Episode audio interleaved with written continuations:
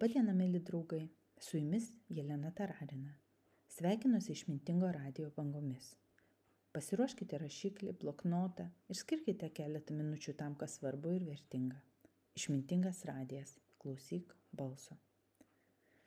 Šiandien mūsų laidos tema - kaip suteikti jėgos savo rezultatams. Kokia ypatinga praktika atlikta prieš miegą gali suteikti jėgos tiems dideliems darbams, kuriuos atliekame. Šiandien kalbėsime apie taip vadinamąją kavos meditaciją ir jos rūšis. Pirmiausia, verta paminėti, kad kavos meditacija visai nėra meditacija ir ji neturi nieko bendra su kava. Ji tiesiog taip vadinama. Šioje praktikoje svarbus laikas - paskutinės minutės prieš miegą. Psichofiziologai sako, kad tuo metu mūsų sąmonė yra ypač atvira ir jautri mes pripildome pilną baką energijos kaip degalinėje. Mes važiuojame automobiliu ir šį kūrą mūsų pasąmonė naudoja visą naktį, kol miegame. Kuo dažniausiai žmonės užpildo savo pasąmonę? Kokiu kūru? Na, aš to nepadariau, šito nespėjau, sunkus buvo pokalbis. Jei aš pasakyčiau tai, o jis pasakytų tai, jį pasakytų tai, Ir dauguma žmonių šiame pasaulyje užmiega neteisingai, skaudžiai apgailestaudami dėl to, ko nepadarė ar padarė nepakankamai gerai, arba atvirkščiai dėl to, kas buvo padaryta ir dėl to negera, jie gailisi. Tai yra didelė klaida. Maiklas Raučias sako, labai svarbu monetizuoti savo miego laiką. Svarbu pakviesti savo sąmonę dirbti jums miegant. Mes tai galime padaryti kavos meditacijos pagalba. Taigi, prieš užmiegant labai svarbu prisiminti visus gerus dalykus, kuriuos šiandien padarėte dėl savęs. Ir padėkoti už gyvenimą, už save, už šį pasaulį, už savo tėvus ar už protą, kuris leidžia jums visą tai padaryti. Rūpinti savimi, savo kūnu, sveikata arba vystyti savo talentus Toliau mes prisimename žmonės, kuriems šiandien galėjome padėti. Ir dėkojame Dievui, šiam pasauliui, mūsų mokytojams už tai, kad turime galimybę padėti bent kam nors, nes dangus nuo pragaro skiriasi tik tuo, kad ten niekas niekam negali padėti, net jei norisi. Taip pat dėkojame visiems mūsų mokytojams, mentoriams, kurie mums padėjo praeitįje, už neįtikėtiną indėlį, kurį jie padarė mūsų gyvenime. Ir žinoma, visa širdimi dėkojame žmonėms, kurie meldžiasi.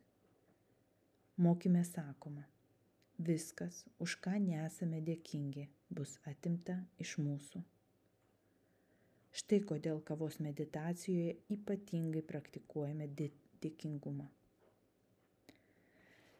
Yra keli kavos meditacijos būdai.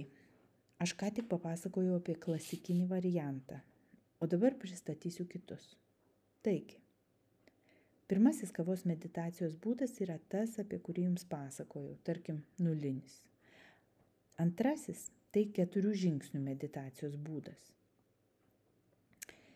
Pirmiausia, svarbu, nuspręskite, ko norite. Pasirinkite žmogų, kuris nori to paties, ko norite ir jūs. Pagalvokite, kaip padėsite šiam žmogui. Taigi jūs apmastote dieną, kai padėjote šiam žmogui, kad padarėte gerą darbą, paukojote savo gyvenimo laiką, dalį savo išteklių įdėjote į taupyklę kitam asmeniui. Šis meditacijos būdas yra džiaugsmas, kad noriu ir galiu pirmiausia padėti kam nors kitam gauti tai, ko noriu pats ar pati. Ir tada tai, ko man reikia, ateis tinkamu laiku ir tinkamu būdu. Antrasis kavos meditacijos būdas tai naujos sistemos panaudojimas. Čia labai svarbu džiaugtis, kad naudojame naują sistemą. Pavyzdžiui, norėdama numesti svorį radau merginą ir dirbu su ja. Aš padedu kitam žmogui mesti svorį ir pati siekiu užsibriešto tikslo. Norėdama savo verslą paversti tarptautiniu, radau kolegą, kurio tikslas panašus ir dirbu su juo. Neimu savo papildomo darbo, neinvestuoju pinigų į reklamą, nedraudžiu savo valgyti keptų bulvių, jei labai noriu. Aš einu nauju, novatorišku keliu. Svarbu jausti tą būseną, kad aš vadovaujuosi nauja sistema ir darau kažką nestandartinio. aš sodinu naujas sėklas, kurios nebejotinai sudyks ir duos gerus rezultatus. Trečioji kavos meditacija. Čia svarbu rasti gerų įvykių, kurie nutiko man šiandien. Prisimename, kaip mums pasisekė, kad laiku atvažiavo autobusas, traukinys, taksi, kokie švarūs, patogus jie buvo, kaip mandagiai su jumis kalbėjosi. Paprastai, kai vyksta kas nors gero, tai reiškia, kad sėkla atsivėrė ir jos jau nebėra. Bet jei mes džiaugiamės ir laistome ją dėkingumu, mes tarsi atkūrime šią energiją, kviečiame ją vėl ir vėl grįžti į mūsų gyvenimą. Kitas kavos meditacijos būdas yra meditacija skirta tiems geriems dalykams, kurie sukūrė ilgalaikius gerus rezultatus. Pavyzdžiui, mano santykiai su verslo partneriu trunka 12 metų. Tai labai ilgas laikas. Esu už tai dėkinga. Jau 10 metų esu mama. Esu už tai nepaprastai dėkinga. Kurį laiką aš esu laiminga žmona ir tai yra laimė. Jau tris savaitės aš įsimylėjusi Tai stebuklas. Prisimename senai gyvenime esančius gerus dalykus ir džiaugiamės. Džiaugiamės, džiaugiamės, kviesdami jos vėl ir vėl likti mūsų širdyje. Paskutinis kavos meditacijos būdas yra skirtas kitų žmonių pasiekimams ir sėkmiai. Tai draugai yra vienas aukščiausių lygių mūsų dvasinio kungfu. Išmintingo kungfu per išmintingą radiją. Taigi, tai meditacija, galvojant apie sėkmę tų, kuriuos mylime, tų, kuriais didžiuojamės.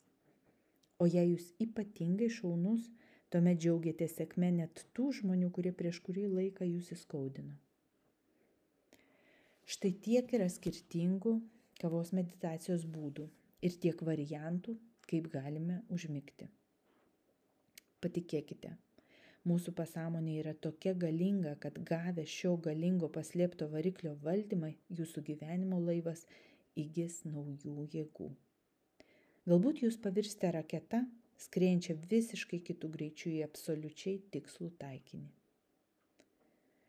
Šiandien kalbėjomės apie kavos meditacijos būdus, sužinojome, kokie jie yra ir kodėl svarbu teisingai užmigti. Praktikuoti svarbu jau šiandien. Dėkojame, kad dalinatės informaciją apie išmintingą radiją, pakvieskite čia ir savo draugus.